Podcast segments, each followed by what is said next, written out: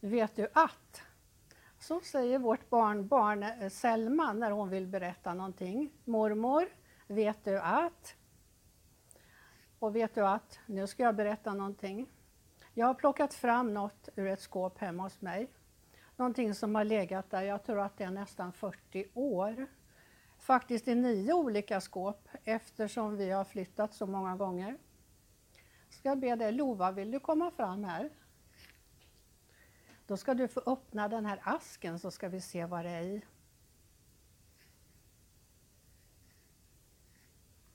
Det är bra, du håller upp den så att alla kan se den. Bra Lova! Vet du vad det här är? Jo, det är en bonad, eller skulle ha blivit en bonad som jag hade tänkt hänga på väggen och som jag har broderat. Det var väldigt roligt att, att sy den här. Jag tyckte att det blev ganska fint. Men som du ser så är den inte färdig. Det hänger ju trådar här och var. Och vad är det som fattas? Jo, det är en blå ram. Men jag skulle ha sytt på ett blått band runt om som en ram. Eh, du kanske kommer ihåg hur såna här gamla bonader såg ut eh, som man broderade förr. Det var en, en, ett band runt omkring som en ram. Men det blev aldrig av därför att det, jag tyckte det var lite bökigt att, att sy den här, man skulle mäta och, och så här. Så att, ja, den blev aldrig färdig. Men vad står det på den? Jo, det står Den rättfärdiges väntan får en glad fullbordan. Det står i Bibeln i Ordspråksboken 10.28. Men den här bonaden kom aldrig upp på väggen, nej, den väntar fortfarande. Jag ska prata lite grann om att vänta. Att vänta kan ju vara någonting väldigt roligt men det kan också vara väldigt jobbigt och långtråkigt. Eh, jag ska ge dig några exempel från mitt eget liv. Att bestämma en resa till exempel. Eh, det kan vara väldigt roligt. Gunnar och jag har åkt eh, bussresor till Kroatien några gånger. Och då har vi bokat resan redan i januari fast vi skulle åka på sommaren därför att man fick boka tidigt rabatt. Och då har det varit många månader av väntan. Men det har varit väldigt roligt och man kunde planera och tänka ut vad man ska göra när man kommer dit och vilka utflykter man kan göra. Men att vänta på julklappar i flera timmar på julafton när man är barn, det kan vara ganska jobbigt. Tiden går väldigt sakta.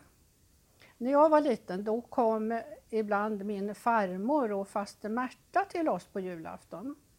Min faster hon hade åkt tåg och var väldigt trött så de skulle sova middag innan julklappar, julklappsutdelningen.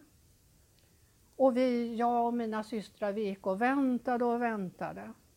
Och inte nog med det, när de vaknade så skulle de dricka kaffe. Det var jobbigt. Men så småningom blev det kväll i alla fall och vi fick våra julklappar. En jobbig väntan kan plötsligt bli en rolig väntan. När Gunnar och jag hade gift oss då ville vi gärna ha ett barn. Barn är ju det bästa som finns. Men det gick månad efter månad, det gick ett år och två år och vi väntade och väntade. Och jag grät och undrade om vi någon gång skulle få ett barn. Men så en dag upptäckte jag att det var en liten bebis som började växa i min mage. Det var det bästa som hade hänt oss. Vi var ju jätteglada. Då började en annan väntan, en rolig väntan. Det tar ju cirka nio månader innan bebisen föds. Så föddes äntligen vårt efterlängtade barn Susanna. Under de kommande åren fick vi tre barn till. Det står i Gamla testamentet om en profet som hette Jesaja. Gud hade sagt till honom att Jesus, Guds son, skulle komma till jorden. Jesaja skriver, ett barn blir oss fött, en son blir oss given. På hans axlar vilar herradömet och hans namn är under, rådgivare, mäktig Gud, evig fader, fridsförste. Han väntade, men fick aldrig vara med om det, för det dröjde 700 år innan Jesus föddes. Men ett par som levde 700 år senare väntade också på att Jesus, Guds son, Messias, skulle komma. De hette Symeon och Hanna. De var väldigt gamla och hade väntat hela sitt liv. Lukas skriver, ledd av anden kom Symeon till templet och när föräldrarna bar in barnet Jesus för att göra med honom som det var sed enligt lagen tog han honom i sina armar och prisade Gud. Då bara visste Simon och Hanna att denna bebis var Jesus som de hade väntat på hela livet och som profeten hade talat om. Deras väntan fick en glad fullbordan. Och det står sen att Hanna också prisade Gud och berättade för alla att Jesus hade kommit. Det här hände ju för mer än 2000 år sedan. Människor har fortsatt, precis som Hanna, att berätta om Jesus för andra. Och nu är över två miljarder människor i hela världen kristna. Och fler blir det. Det står i Bibeln att alla folk ska få höra om Jesus.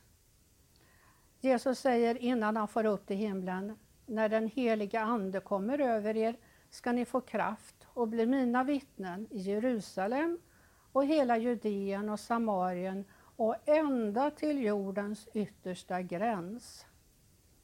Vi som är här idag, vi är några av dem som fått höra om Jesus och lära känna honom.